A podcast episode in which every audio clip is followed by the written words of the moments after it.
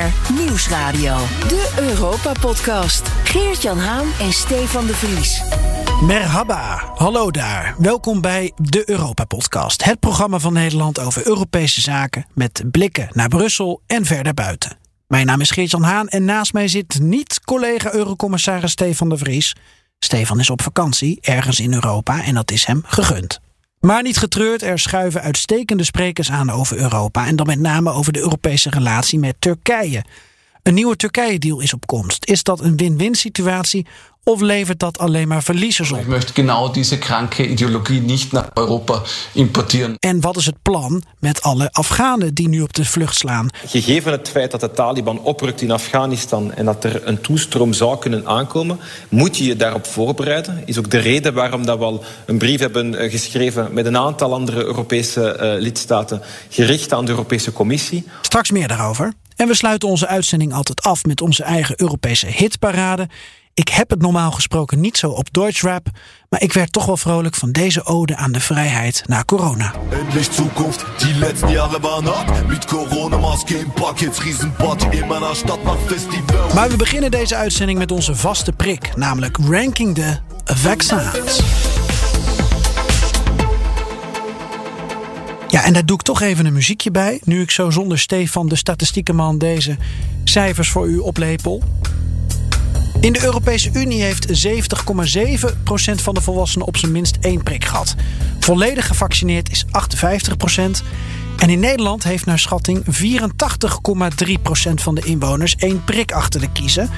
En 61,5% is volledig gevaccineerd. Het is geen wedstrijd, maar statistisch gezien laten we buurland België inmiddels achter ons. Onze zuidenburen staan op 83,3% en 58% is volledig gevaccineerd. En er was wel het nodige coronavaccinnieuws deze week. Pfizer en Moderna verhogen de prijzen.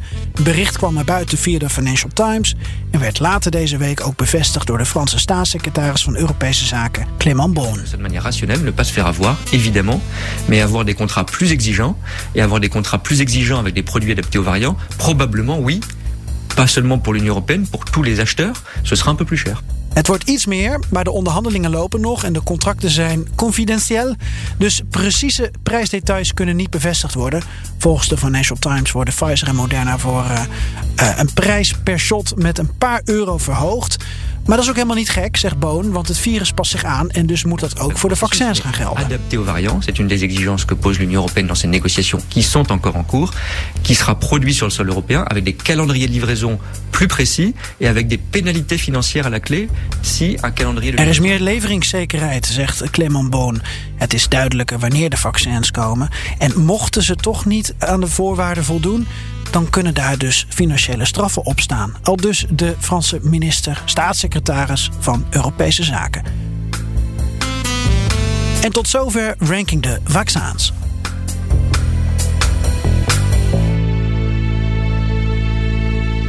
Met de opmars van de Taliban in Afghanistan willen diverse Europese landen sneller werk maken van een nieuwe Turkije-deal. En het liefst dus ook met een uitbreiding, zodat Turkije niet alleen vluchtende Syriërs, maar ook Afghanen in de regio opvangt. Europa moet hierop voorbereid zijn, zo staat in een brief aan de Europese Commissie, ondertekend door diverse EU-lidstaten deze week. Wat als de EU opnieuw in zee gaat met Turkije, of beter gezegd met de Turkse leider Recep Erdogan? Wat willen we dan precies van hem? En wat wil hij van ons?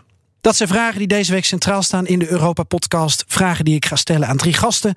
Joost Lagendijk, onze correspondent in Turkije, tevens oud-Europarlementariër. Isa Yusibov en Joep Leersen. Die ga ik allebei zo nader introduceren. En we hebben het dan over de nieuwe Turkije-deal. Joost, om met jou te beginnen. Uh, de Turkije-deal is nog niet vernieuwd, maar die update die komt er. En de discussie gaat dus nu over een upgrade. Ja, er komt een nieuwe Turkije-deal. Daar is uh, in juni, afgelopen juni, door de lidstaten van de Europese Unie in principe al een besluit toegenomen. uiteindelijk moet er in september moet de knoop worden doorgehakt. Dan ligt er een uitgewerkt voorstel van de Europese Commissie. maar een nieuwe deal die komt er. En dan hebben we het wederom over een slordige 6 miljard euro die daarmee gemoeid is. Dat dan uit EU-budget komt? Ja, dit keer gaat het niet om 6 miljard voor Turkije alleen. Het gaat om een kleine, kleine 6 miljard, iets minder. Waarvan 3,5 miljard dan uh, besteed zou moeten worden in Turkije. En iets ruim, iets meer dan 2 miljard in Libanon en Jordanië. Natuurlijk twee andere landen waar veel Syrische vluchtelingen zitten. Dat geld komt inderdaad uit het uh, budget van de Europese Unie. En dat betekent ook, dat is nog wel van belang denk ik, voor de goedkeuring, dat uh, het Europees Parlement moet instemmen met die uitgaven. En zoals we waarschijnlijk wel allemaal weten, ligt Turkije, ligt Erdogan op dit moment niet echt goed in het Europees Parlement. Dus dat zal niet zonder slag of stoot gebeuren, dat laatste. Oké, dus voor de zomer zijn de contouren geschetst vanuit de commissie en vanuit de lidstaten om iets nieuws ervan te maken. En na ja. de zomer moet het uh, geformaliseerd worden. Klopt. Oké. Okay. Gedurende dit gesprek gaan we driemaal een uitspraak van de Belgische staatssecretaris Sami Medi van asielzaken horen.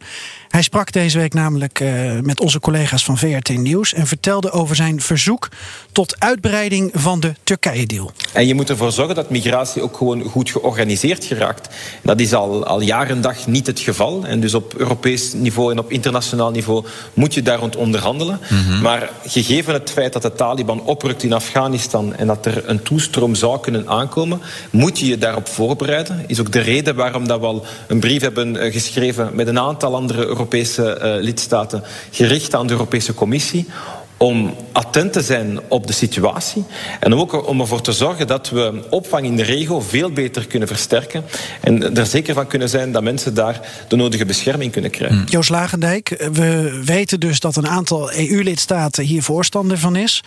Hoe wordt dit nieuws van zo'n upgrade in Turkije zelf eigenlijk ontvangen? Nou, niet met veel enthousiasme, kan ik je wel vertellen.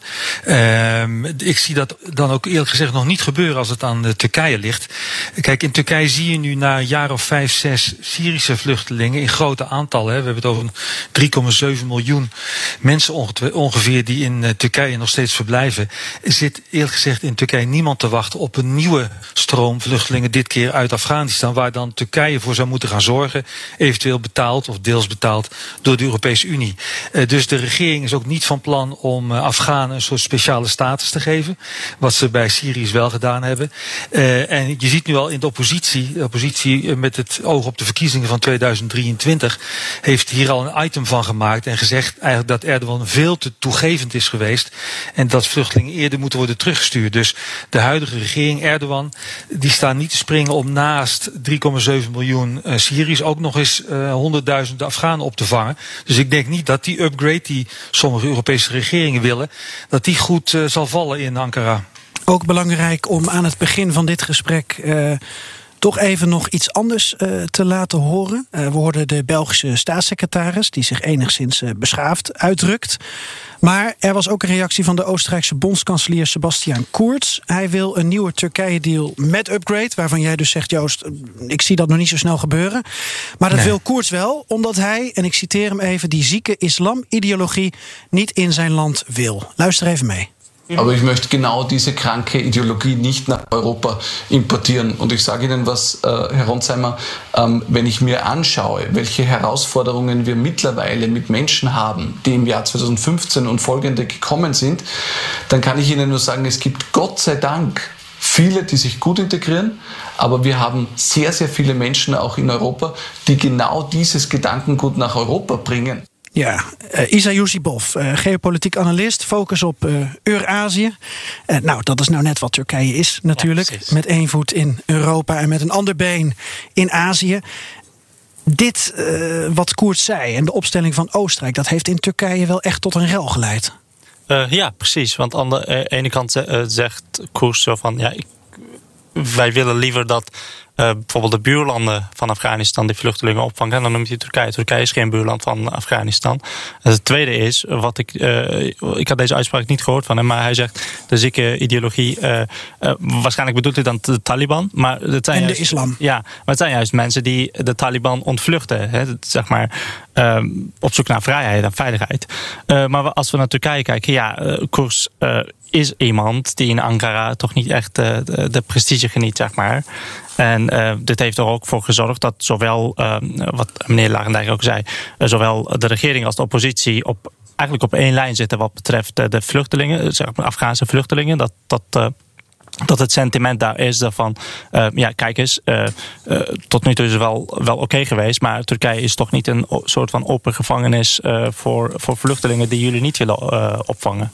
Ja. Joep Leersen, hoogleraar Europese studies, veel onderzoek gedaan naar nationalisme en ook uh, volgens mij, als ik dat goed verwoor, naar de, de relatie tussen uh, Europa en Turkije, maar dan meer cultuurhistorisch gezien. -hmm. Hoe kijkt u tot dusver naar wat hier allemaal over tafel vliegt?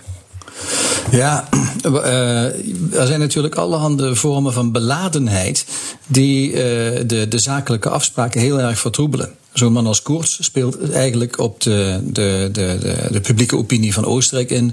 Door heel sterk een, eh, een islamitische dreiging van buitenaf tegenover Europa te plaatsen. Alsof er een nieuwe uh, leger van, van Taliban-militanten de eigen grenzen binnenkomt. Uh, de Belgische politicus die zegt: kijk, als Europa meer uh, verantwoordelijkheden krijgt over de, het omgaan met migranten, dan moet er ook, moeten er ook meer bevoegdheden komen. dus het is. en, en de de discussie met Erdogan is beladen omdat het natuurlijk in, uh, in het kader ligt van de tot nu toe gestrande uh, initiatieven om uh, Turkije een lidstaat te maken. Dus er zitten allerhande gevoeligheden en oneigenlijke beladenheden in deze discussie, die, die het een beetje oneigenlijk maken en die een zakelijke oplossing in de weg staan. Ja, daar komen we zo nog verder over te spreken. Eerst even naar dat geld wat ermee gemoeid is, die miljarden euro's. En dan kunnen we ook even terugblikken op Turkije-deal 1.0. Dit is wat de Belgische staatssecretaris Sami Medi hierover zei. Vanuit de Europese Unie wordt er ook fors geïnvesteerd in landen zoals Turkije om ervoor te zorgen dat er één, een, een, een goede grenscontrole is, maar twee, dat mensen die daar ook toekomen, dat die daar op de juiste manier worden opgevangen, kinderen naar school kunnen gaan, dat de volwassenen kunnen werken. Uh, dat zijn zaken die maken dat mensen uiteindelijk dan daar blijven. Mm. In het geval van de Turkije-deal met Syrië is dat goed gelukt. Als je kijkt naar de cijfers, dan blijkt daar dat um, de vluchtelingenstroom richting Europa verminderd is, maar meer dan dat. Als je kijkt naar de, de bevraging die is gebeurd bij de Syriërs die in Turkije zijn gebleven, dan heeft een overgrote meerderheid daar aangegeven dat ze wensen ofwel in Turkije te blijven of terug te keren naar Syrië, maar niet door te trekken naar Europa. En dat betekent vooral dat die mensen daar degelijke opvang hebben gekregen. En dat is het allerbelangrijkste. Hmm. Joost Lagendijk, onze correspondent in Turkije, wat uh, meneer Medi hier zegt, namelijk het geld is goed besteed en de mensen zijn tussen haakjes tevreden, want ze kunnen een nieuw leven opbouwen. Die optie wordt hen gegeven. Is dat ook jouw kijk op de zaak? Uh, voor een groot deel wel, ja. Ik, ik, ben het niet eens met zijn uh, aanduiding als een degelijke opvang. Het is vooral veel improvisatie. Maar goed, daar zijn de Turken en de Syriërs redelijk goed in. Ehm, maar het klopt dat het geld, die 6 miljard, die zijn besteed aan, aan goede projecten. Aan scholen voor Syrische kinderen, aan een betaalkaart. Meer dan een miljoen vluchtelingen krijgt een bepaald bedrag per maand overgemaakt, zodat ze gewoon boodschappen kunnen doen en niet de hele tijd hun hand moeten ophouden. Nou, dat zijn allemaal goed besteden euro's, zou ik zeggen. Um, en het klopt dat uh, de meeste Syriërs op een of andere manier, na vijf jaar natuurlijk, of nog langer soms, op een of andere manier wel geworteld zijn. Hun kinderen gaan hier naar school en zij zitten niet te wachten om nog eens een keer hun boeltje te pakken. Dat zag je ook vorig jaar voorjaar. als mensen zich nog kunnen herinneren, toen zei Erdogan in een wild gebaar dat hij de grenzen zou openzetten naar Europa. Nou goed, dat was om Europa onder druk te zetten. En daar, maar goed, duizenden vluchtelingen in Turkije gingen naar die grens toe. En je zag dat daar bijna geen Syrische vluchtelingen bij zaten. Dat het vooral om mensen ging uit Afghanistan, Iran, uh, Bangladesh. Uh, dus voor de meeste Syriërs geldt dat ze met alle vallen en opstaan hier toch wel een weg gevonden hebben. Het blijft moeilijk. Uh, de, het verzet van Turken tegen Syrische vluchtelingen neemt toe. Dat merken ook veel Syrische vluchtelingen. Maar de meeste willen hier inderdaad blijven of terug. En richting Afghaanse vluchtelingen, hoe is de houding, de Turkse houding daar? Tegenover? Ik zou bijna zeggen buitengewoon afwijzend. nu, nu, is er sprake van een uh, grote groep, grotere groepen. Uh, met name door het vertrek van de Amerikanen en de overname, dreigende overname door de Taliban. Maar de afgelopen jaren zijn er, zijn er kleinere stromen uh, Afghanen, al wel via Iran, Turkije binnengekomen. Ja, daar, daar wordt überhaupt niks voor gedaan. Die moet, mensen moeten zich helemaal zelf redden. Nogmaals, die krijgen dus geen aparte status, zoals de Syrische vluchtelingen dat wel gekregen hebben. Um, en je ziet dan ook dat veel van die Afghaanse vluchtelingen wel door willen reizen naar Europa. En als je de cijfers bekijkt van de mensen die dan ook nu nog proberen naar de Griekse eilanden te, uh, te komen, dan zie je dat daar ook daar onder die groep weinig Syriërs zitten, maar veel Afghanen. Dus de, voor de Afghanen is de ontvangst in Turkije buitengewoon onvriendelijk. En dat zie ik op korte termijn eerlijk gezegd niet veranderen. Isa Yosibov hier in de studio. Een uitbreiding van de Turkije-deal, waarbij ook Afghanen in Turkije worden opgevangen en niet doorreizen naar Europa. Even vanuit het perspectief van Erdogan. Gaat hij tegen Brussel zeggen: prima, maar dan wel dubbel tarief? Daar lijkt het wel op. Ja, ik bedoel, hij zegt nu uh, uh, tussen de lijnen door van ja, ik wil niet dat er nog meer vluchtelingen, extra vluchtelingen naar Turkije komen. Want bijvoorbeeld de Afghaanse president heeft laatst gezegd dat hij verwacht dat uh, 10 miljoen Afghanen uh, binnen nu een, uh, een jaar het land zullen ontvluchten. En die moeten dan ergens heen. En vele daarvan, als, ik, als ik naar de cijfers kijk, dagelijks komen er 3000, 4000 Afghanen aan in Turkije via Iran. Die willen daar niet blijven. Iran heeft er zelfs gezorgd voor, voor een corridor van veilige doorgang. Um, en ja, dan blijft Turkije als, uh, als de enige optie, zou, zou ik kunnen zeggen, in de, in de regio voor de opvang. En uh, momenteel is uh, Turkije natuurlijk wel um, enorm in de problemen geraakt. Vanwege de economie, de, de coronacrisis en nu ook de bosbranden en dergelijke. dus, maar aan de andere kant denk ik vergeleken met vijf jaar geleden heeft Erdogan nu wel hele sterke handen als hij aan de onderhandelingstafel zit. Want die kan nu zeggen van uh, jullie hadden geld beloofd. Is niet alles van uh, uh, ontvangen hier. Tegelijkertijd hadden jullie beloofd dat, dat er een update voor de douane-unie zou komen. Ook niet gebeurd. Visumvrij reizen voor Turken ook niet gebeurd. Dus als jullie willen dat ik een deel van die Afghanen in ieder geval opvang. Dan moeten jullie misschien wel meer doen dan alleen geld. Ja, jij leest Turks, jij spreekt Turks. Ja. Um, wat kom je tegen over wat Erdogan met dat geld allemaal dan zou willen doen? Besteedt hij dat inderdaad? Is dat ook jouw analyse, wat, wat Joost Lagendijk zegt? Besteedt hij dat allemaal ook, um, ja, dat is niet helemaal wat Joost zegt, maar besteedt hij dat deels goed aan, aan scholing, aan opvang, uh, maar deels ook voor andere zaken? Uh, ja, ik denk van wel. Uh, want ik, ik las laatst ook, ook een rapport van de Europese Commissie waarin stond dat Turkije, de opvang van, van Syriërs in Turkije goed geregeld was qua volksgezondheid en onderwijs en dergelijke. Dat dat geld uh, wel effectief besteed wordt. Uh, voor een groot deel dan. Um, maar ik denk, ja, Erdogan heeft zelf gezegd, want Erdogan kreeg iets van 6 miljard bijvoorbeeld. Maar hij heeft een paar keer gezegd om ervoor te zorgen dat we alle Syriërs zeg maar, die nu in Turkije zitten, uh, ja, naar behoren kunnen opvangen, hebben we iets van 40 miljard nodig. En dat is behoorlijk, uh, behoorlijk wat geld. Uh, dat krijgt hij niet van de Europese Unie, dus dan moet hij het toch wel doen van, van, van dat kleine bedrag. maar als er nog Afghanen bij komen, dan zal dat ook veel meer kosten. Want heel veel Afghanen, ik zet me volledig aan bij wat meneer Lagendijk zei, die die worden niet goed opgevangen. Dus die, en die willen ook doortrekken naar Europa. Dus die gaan de, de, de, de, de shadow economy in. Die gaan daar werken. Er is geen controle, geen zicht op. Uh, om ervoor te zorgen dat, uh, dat men weet zeg maar, hoe ze worden opgevangen. Ja. Dus in die zin, uh, voor, voor Afghanen zal er veel meer geld voor nodig zijn dan voor Syriërs, denk ik. Mag ik op dit punt even inbreken om, om een misverstand te voorkomen? Want er is nu sprake van dat Europees geld naar Erdogan toe zou gaan. Dat zou Erdogan wel willen. Maar zo werkt het niet. Dat Europese geld, die 6 miljard, die gaat naar projecten. Eh, die worden goedgekeurd en die worden uitgevoerd door NGO's. Er gaat dus geen, geen euro naar Ankara, er gaat geld naar projecten toe. Eh, nogmaals, eh, Turkije zou het liefst geld overgemaakt krijgen op de Giro. Maar dat, dat, zo werkt het niet. En zo zal het ook in de toekomst niet werken. Dus Erdogan beslist niet over de besteding van het geld. Nee, dan ben ik alleen wel benieuwd. En ik kom nog één keer bij jou terug, uh, Isa. Uh, vorige week toen zag ik dat jij op social media toch wel een paar stellingen poneerde over de, de herverkiezing van Erdogan. Dat je ook zei van dit gaat hij gebruiken om in 2023 weer opnieuw leider van Turkije te mm. kunnen worden. en ik dacht dat je daarmee ook bedoelde hij gaat dat geld als het ware beloven aan het Turkse volk. Uh, nou, niet, niet het geld, maar meer zo van.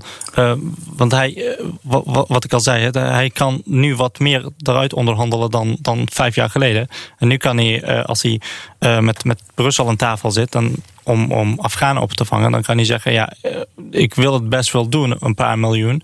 Maar dan moeten jullie wel andere beloftes doen, zoals visumvrij reizen. En als de economie een beetje opgerekt en weet je wel, toerisme weer op gang komt en Turken het recht krijgen om visumvrij te reizen binnen de EU, ja, dan zal hij dat zeker gebruiken voor zijn campagne om gekozen te worden. En daarnaast moet ik ook zeggen dat hij nu bezig is met het aanpassen van de kieswet. En dat hij dan voortaan maar 40% nodig heeft om uh, gekozen te worden. En ik denk dat uh, als hij dan de vluchtelingen opvangt, dan zal het Westen ook wat minder uh, kritisch zijn op, op allerlei mensenrechten schendingen in Turkije. Ja, een nieuwe Europese deal met Erdogan, vind je dat eigenlijk een goed idee vanuit jouw analyse? Ja, ja ik ben zelf ook vluchteling uh, geweest. Uh, dus dat, Vanuit Azerbeidzjan? Uh, ja, ja, dat is een beetje dubbel. Ik denk, um, het is kijk, de situatie in het Midden-Oosten, maar ook in Afghanistan, is ook deels gecreëerd door, uh, door het Westen zelf. En als, we, als de Amerikanen dan teruggaan, dan moeten ze zich niet alleen bekommeren om uh, de Afghanen die voor de, Amerikaanse, uh, voor de Amerikanen hebben gewerkt, of voor, het, voor de overheid daar hebben gewerkt, want die worden nu weer overgeplaatst naar Amerika. Um, dat, ja, ik, ik ben persoonlijk zelf geen voorstander van, van dit soort deals. Ik denk dat, dat, we, dat de Europese Unie wel uh, genoeg draagvlak en uh, de, de, heeft om uh, wat meer vluchtelingen op te vangen en ze niet alleen over te laten aan de grillen van, van Erdogan. De Europa-podcast. Joep Leers, hoogleraar Europese studies, verbonden aan de UvA. Vanuit cultuurhistorisch oogpunt was ik toch benieuwd. Zo'n deal tussen de Europese Unie, dat ook al een blokvormige smeltkroes van culturen is. Een deal met Turkije. Kan dat samengaan? Is dat gedoemd te mislukken? Is het maar net hoe je ernaar kijkt? Ja, nou, uh, kijk, de Europese Unie maakt natuurlijk als blok voortdurend internationale deals over de handel uh, met uh, andere landen, met, Canada of zo. Dus op zich is er niks op tegen. Um, en dat zou best mogelijk moeten zijn. Ik denk dat het, het probleem eerder is dat de, de inzet bij de onderhandelingen eigenlijk een beetje asymmetrisch is. En dat is ook uit het gesprek al een beetje naar voren gekomen. wat Joost Lagendijk zei, voor, voor, vanuit EU perspectief wordt er een, goede afspraak uh, geregeld met geld dat naar NGO's toe gaat en dat behoorlijk uh, controleerbaar is en waarbij je weet wat ermee gebeurt. Terwijl voor de Turkse kant de status van Erdogan en uh, zijn, zijn positie als staatsman in het geding is. En wat je daar eigenlijk ziet is een asymmetrie dat de Europese Unie sterk denkt als een, zeg maar een, een, een burgerlijke handelsgerichte organisatie waarvoor betrouwbaarheid heel belangrijk is. Terwijl in de Turkse politiek status enorm belangrijk is. Um, dus uh, de, ook de, zeg maar de de Turkse uh, intellectuele dissidenten op sociale media verkneukelen zich als Erdogan gezichtsverlies leidt. Uh, de, uh, de eer en het aanzien van Erdogan als leider is in het geding. En hij moet als krachtige figuur kunnen laten zien dat Turkije zijn wil kan opleggen aan de internationale gemeenschap. Ja. Dus daar is een zekere asymmetrie in de onderhandelingen. En dat zou nog wel eens lastig kunnen worden. Ja, als we dan nog kijken ook naar hoe Turkije Deal 1.0 uh, tot stand is gekomen. Want uh, Turken zijn trots, om het even zo uh, hmm. samen te vatten. De uitredende baas van Europa, zo noem ik haar dan, Angela Merkel, die. Um, ja, die, die is uh, kenner van realpolitiek. Die kan dat uitstekend bedrijven. En die kan dus ook over haar eigen trots uh, heen stappen. Is dat waarom zo'n deal dan ook kan werken? Um, ja, nou, om te beginnen, een goede deal heeft altijd een zekere mate van vaagheid. We noemen dat constructive ambiguity. Dus uh, soms uh, moet je mensen toestaan om elk hun eigen interpretatie van die deal te verkopen aan het thuisfront. Van de andere kant, uh, dat verschil tussen zeg maar trots en realpolitiek, dat speelt wel degelijk een rol. Nou wil ik niet zeggen dat het typisch een soort Turkse pathologie is om trots te zijn. Uh, dat zijn Ajax-fans en Spanjaarden ook. Uh, maar in de Turkse samenleving en in de Turkse, uh, in de Turkse politiek is status belangrijker dan in Brussel. dat is niet absoluut. Het is ook een beetje verbonden met populistische, charismatisch leiderschap dat Erdogan nastreeft. Maar inderdaad, er, je zult met een dosis realpolitiek, laten we zeggen, gewoon de afspraak namen moeten streven en proberen uh, daarbij de ander zo min mogelijk te bruskeren. Daar is diplomatie voor. We zagen dat trouwens ook bij de kredietcrisis over Griekenland. Daar was een majeure stennis omdat de Grieken in hun eergevoel gekrenkt waren door de maatregelen die werden opgelegd vanuit Brussel. Dat zijn gevoelens waar je mee om moet gaan. Dat wil zeggen de eigenwaarde, het gevoel van de status, noem het maar trots, dat uh, onder andere in Turkije een rol speelt. Ja, uh, Thomas Kirchner, dat is een Europa-verslaggever voor de Süddeutsche Zeitung. Die hoorde ik eerder zeggen over die Turkije-deal 1.0 dat Europa daarmee controle heeft gekocht. Dus niet per se tijd heeft gekocht, zoals het wel vaker gaat in Brussel. Je koopt tijd om een probleem uiteindelijk uit zichzelf te laten verdwijnen of deels oplossen. Maar controle, is dat, meneer Leers, een, een goede omschrijving ook van wat de Europese wens is? Controle? Ja, lijkt me wel. Europa doet niet aan macht, maar het doet heel veel aan soft power en in greep krijgen op ontwikkelingen door uh, te zeggen wij kunnen jullie met veel goodwill en wat euro's helpen. Maar dan moet je er wel netjes mee omgaan. En dat is altijd al een beetje het buitenlands beleid geweest van de Europese Unie. Maar dan ga ik toch nog even terug naar uh, Sofagate. Dat heeft nog eenmaal die naam gekregen. Uh, Charles Michel, Ursula von der Leyen gaan op de koffie bij Erdogan. En ja. ineens uh, toont von der Leyen haar trots. Uh, Europeaan, vrouw, Europese normen en waarden. Ik wil mijn stoel. Ik frame het een beetje, ja. maar dit was de setting. En vanuit ja. haar oogpunt ook uh, begrijpelijk.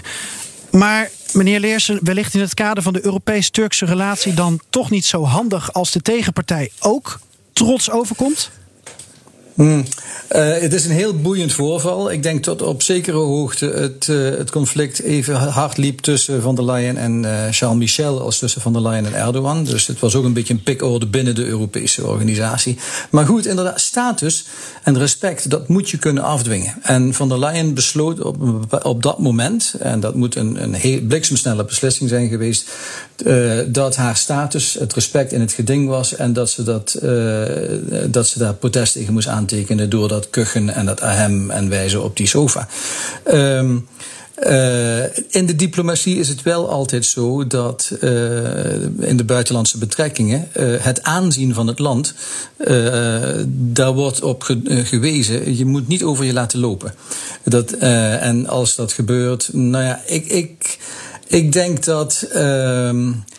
Uh, het eigenlijk wel begrijpelijk was van Van der Leyen wat ze deed. En uh, uiteindelijk heeft het ook niet tot, tot uh, enorme ontsporingen geleid. Dus of, of het zo onhandig was, was dat weet ik ook nog niet.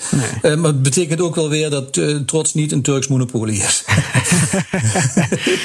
Joost Lagendijk, voor jouw carrière als correspondent had je een carrière in het Europees Parlement. In een tijd, denk ik, dat het Europees lidmaatschap van Turkije misschien nog wel wat reëler was dan nu. Hoe werd er toen eigenlijk over Turkije gesproken? Zo van, nou ja, misschien wel leuk voor erbij. heb je daar een mindshift in gezien? Zeker. Uh, even voor de, voor de helderheid. Ik was tot 2009 uh, verantwoordelijk voor de relaties tussen het parlement en, uh, en Turkije. en dat was natuurlijk in de tijd dat het er nog op leek dat het zou kunnen gaan lukken. Ik zeg het al een beetje voorzichtig, maar toen waren toch nog veel mensen in Europa en zeker veel mensen in Turkije van de, van de gedachte van, nou ja, laten we het proberen ook toen had je, de eerlijkheid gebied te zeggen, al mensen in Europa. Denk aan dezelfde Merkel, maar vooral ook aan eh, Sarkozy, de Frans president toen de tijd. Die zeiden van, nou ja, wat die Turken ook doen. En ze komen er gewoon nooit bij. Want Turkije hoort cultureel, uh, et cetera, niet bij Europa. Uh, de, de, de stemming was toen over zijn algemeenheid, dus tot 2009, positief. Maar veel mensen, met name in Europa, in het Europese parlement, wisten. Ook al gaat Turkije aan al die uh, 35 hoofdstukken hard werken en alles doen wat wij willen. Dan nog gaan we aan het eind, misschien pas over tien jaar, maar gaan we aan het eind van dat proces een enorm debat krijgen. Waarbij mensen niet zullen zeggen, oh goed gedaan Turkije, maar ja, uh, leuk gedaan Turkije, maar je hoort er toch uiteindelijk niet bij. Dat was toen al wel duidelijk. Ja. Hoe kijk je dan naar het huidige discours en ook uh, nou, die cultuurhistorische analyse die we een beetje proberen te maken? Want met het oog op wat je opnieuw met Turkije aan, aan deals wil sluiten, ja, je moet elkaar natuurlijk begrijpen. Tegelijkertijd moet je ook weten uh, op welk punt je elkaar mag gijzelen misschien wel, wat Erdogan zo nu en dan doet. Ik vind het heel interessant, maar ik weet niet hoe jij naar kijkt. Ja, nou ja, kijk, wat sindsdien uh, in mijn ogen fundamenteel veranderd is, is dat hè, over de tijd dat ik daar zat, om het zo maar te zeggen, was Turkije een kandidaat lid. er werd onderhandeld over uh, lidmaatschap. Nou, die onderhandelingen die bestaan formeel wel, die zijn niet formeel beëindigd, maar in de praktijk wordt er niet meer onderhandeld. Sterker nog, Turkije is van een potentieel lid een strategische partner geworden. Een land waarmee de Europese Unie iets moet. Of het dan gaat om migratie, daar hebben we het nu over. Maar hetzelfde verhaal zal je over uh, terroristen, uh, uh, hoe ga je met ISIS om, noem maar op. Syrië, Centraal-Azië zijn allerlei punten waar Turkije en Europa met elkaar te maken hebben. En je ziet nu dat in de manier waarop de Europese Unie met Turkije omgaat, er veel en veel minder nadruk ligt op democratie, mensenrechten, rechtsstaat. Dat was toen, dat hoorde bij het lidmaatschap. Nu gaat gaat het veel meer over wederzijdse belangen. Allebei iets eh, eruit kunnen halen. Dat hoort veel meer bij een strategische uh, bond. Een strategische band die de Europese Unie aan het opbouwen is met Turkije. Daar hoort een ander soort taal bij. Hoort ook een ander gevoel bij. Uh, en dat zie je in alle voorbeelden. Zie je dat nu. En dat zie je ook in die migratiedeal. Zul je dat terugzien. Dat gaat over belangen. En het gaat niet over gedeelde cultuur of gedeelde rechtsstatelijke normen. Ja, al is dat, Joost, als ik één zijstapje mag maken, uh, tegelijkertijd ook wel een beetje hoe de Europese Unie zelf natuurlijk werkt. Uh, wederzijdse belangen. Uh, goed ervoor zorgen dat je als, als Unie wel soms. In harmonie overkomt, maar wel met respect voor de geschiedenis, de cultuur, het politieke spectrum van, van, van die andere landen. Zeker, maar uh, uiteindelijk gaan toetredingsonderhandelingen die gaan erover het feit of het, het land wat toe wilt treden, uh, al die tienduizenden pagina's wetgeving die inmiddels ontwikkeld is in Europa wil onders, onderschrijven en wil doorvoeren in zijn eigen wetgeving. Dat is eenrichtingsverkeer. Strategisch partner deals maken, dat gaat over wederzijds er iets aan hebben. En in mijn ogen is dat dus de verschuiving tussen pakweg 10, 15 jaar geleden en nu. Het gaat niet meer over Turkije wat ergens aan toe, wil treden. Het gaat gewoon niet gebeuren de komende 10, 20 jaar, als het ooit gaat gebeuren. Het gaat nu om het, uh, het maken van deals waar je beide iets aan hebt. En dat is een wezenlijke andere manier van met elkaar omgaan. Isa Yusibov, die uh, vluchtelingendeal met Turkije, nou 1.0, die was er. Die wordt verlengd na vijf jaar. En verder, Erdogan wordt weer de leider van Turkije. glas, plas, alles blijft zoals het was. um. Ja, ik, ik, denk, ik denk dat hij uh, sinds een paar maanden weer uh, goede kans maakt om opnieuw uh, voor de laatste keer uh, gekozen te worden. Ja. ja, en die upgrade van die vluchtelingendeal, dus een, een Turkije-deal waarbij het ook gaat over opvang van Afghanen. Mm -hmm. Nou, we horen wisselende geluiden. Ja. Um, zou dat in het voordeel van Erdogan kunnen werken? Denk je dat hij daarop gaat inzetten of toch niet, zoals Joost Lagendijk eigenlijk zegt? Uh, nou, ik denk dat Erdogan vanuit zijn pragmatisme wel uh, beseft dat Turkije toch wel het enige land is in de regio uh, dat in aanmerking komt om die om Afghaanse vluchtelingen op te vangen.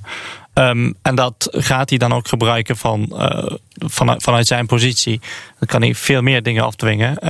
en ik denk dat, dat hij dat de Europese Unie op een gegeven moment ook bereid zal zijn om tot concessies te komen. En, en die concessies zullen er uiteindelijk uh, toe leiden dat hij uh, een, makkelijke, een makkelijkere verkiezingscampagne ingaat in 2023. Dan denk ik bijvoorbeeld aan visumvrij reizen voor de Turken de komende periode. Koehandel. Ja. Het wordt uitruilen. Ja. En dan denk je dus dat die die deal, als die zich doorzet zoals enkele Europese landen nu lijken te willen, dus ook met opvang van Afghanen in Turkije, dat die er komt? Um, ja, ik, ik denk van wel. Uh, al, uh, heeft Ankara nog niet uh, heel veel bereidheid getoond. Maar ik denk dat dat een manier is om, om te zeggen van ja, wij willen het niet. Maar als jullie toch iets meer aanbieden, ja, dan gaan we erover nadenken. Ja. Joost, jij ziet het nog niet gebeuren dus? Ik zie niet gebeuren. Ik zie trouwens ook niet gebeuren. In die zin ben ik met Isa oneens. Dat Erdogan in 2023 herkozen gaat worden. Als, je, als de economie niet enorm gaat verbeteren. dan is dat een verloren strijd voor Erdogan. Dan wint de oppositie in 2023. Oké. Okay. Meneer Leersen, hm. ik weet niet of ik u een voorspelling uh, moet laten doen over uh, of Erdogan de verkiezingen wint of niet.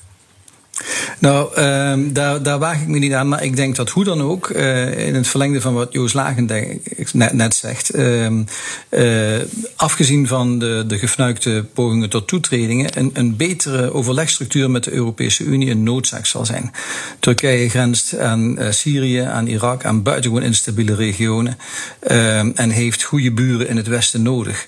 Ehm, Erdogan probeert daarnaast ook nog wat megaprojecten te doen. Maar er, er, die, die, die goede deals met een westelijke buurlanden kunnen nu op basis van buitenlandse betrekkingen in plaats van een, een beoogde toetreding geregeld worden. Dat is een gezonde onderhandelingsbasis. En ik denk dat een, een soort realpolitiek tussen Turkije en de Europese Unie voor welk staatshoofd dan ook uh, een, een, levensbehoefte zal worden, gegeven de interne en, en, en, en de uh, volatiliteit met de Koerden en de problemen aan de oost- en zuidgrens. Ja. Afrondend, uh, Joost, twee korte vragen nog aan jou. Eén, het standpunt van Nederland. We hebben uh, volgens mij nog niet heel uitgebreid daar iets over gehoord. Behalve voor de zomer dat uh, Rutte zei: akkoord met een nieuwe Turkije-deal. Nu dan misschien een upgrade met Afghanen in Turkije op tafel. Wat, wat denk jij? nou ja, je bent Nederlander, dus je zal het wel een beetje mm-hmm. volgen. Wat denk jij qua Nederlands point of view? Nou, die, een tweede Turkije-deal, daar is Nederland uh, heel erg voor. vergeet ook niet dat Rutte een van de architecten is van de, ja. van de eerste deal. Um, de toevoegen van uh, Afghanen, ik, ik, denk dat Nederland dat zal steunen. Maar goed, ik denk dat, uh, ook, ook al steunt Nederland dat, dat dat in Turkije op een nee zal, zal botsen. Maar Rutte zal dat wel ondersteunen, denk ik. Er is nog reces in, uh, in Brussel. Langzamerhand druppelen wel weer de eerste politici daar uh, binnen. Na de zomer uh, wordt hier ongetwijfeld over gesproken. is dit iets dat binnen een paar maanden dan beklonken is? Het zij een Turkije-deal zonder upgrade, het zij een Turkije-deal met upgrade? Ja, zoals ik al zei, in, in principe beslissen de lidstaten hierover in september. En daarna gaat het naar het Europees Parlement.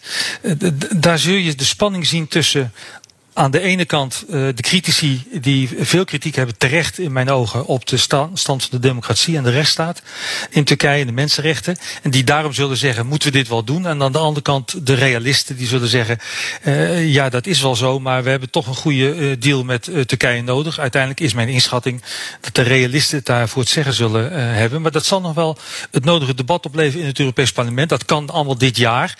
En dat betekent dat we het voor het eind van dit jaar een tweede Turkije-deal hebben.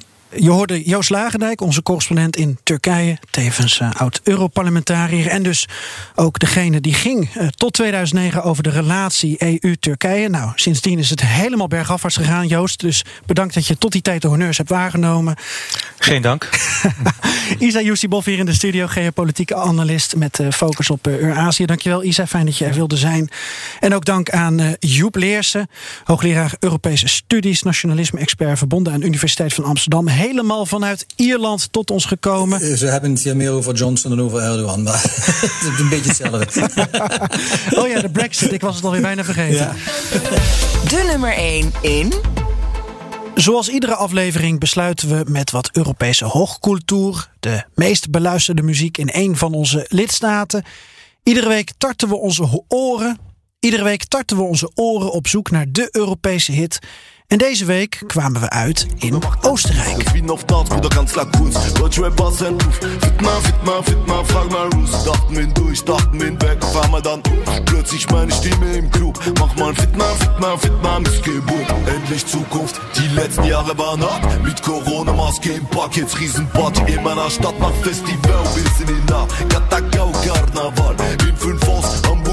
Ganz Berlin sind wieder zusammen, wieder zusammen. Endlich Zukunft. Ja, het was voor iedereen een grote verrassing dat de Weense rapper RAF Camora, wiens eigen naam Rafael Ragucci is, dat hij terugkeerde in de muziekbusiness met een nieuw studioalbum. Dat heet Zukunft. Zijn reden voor het album: hij had een rot jaar, relatiestress, een opa die overleed, worstelen met een boek, een donker jaar met corona. Hij zat in Berlijn in een nieuw appartement, nog half in aanbouw, maar met een grijze stad in lockdown. Luisterde veel naar het requiem van Mozart. Dat doet hij als hij zich slecht voelt. En in een impuls vloog hij naar Dubai, kwam per toeval in aanraking met een Oostenrijker met een studio en had ineens inspiratie. En dat blijkt. Hij is terug in Wenen en staat op één met Zukunft van het gelijknamige album. En wil je dit nummer nou langer horen? Al deze pareltjes van de Europese muziek vind je terug in een van onze playlists op Spotify. Even zoeken op BNR Europa nummer 1 en de link staat ook in de show notes.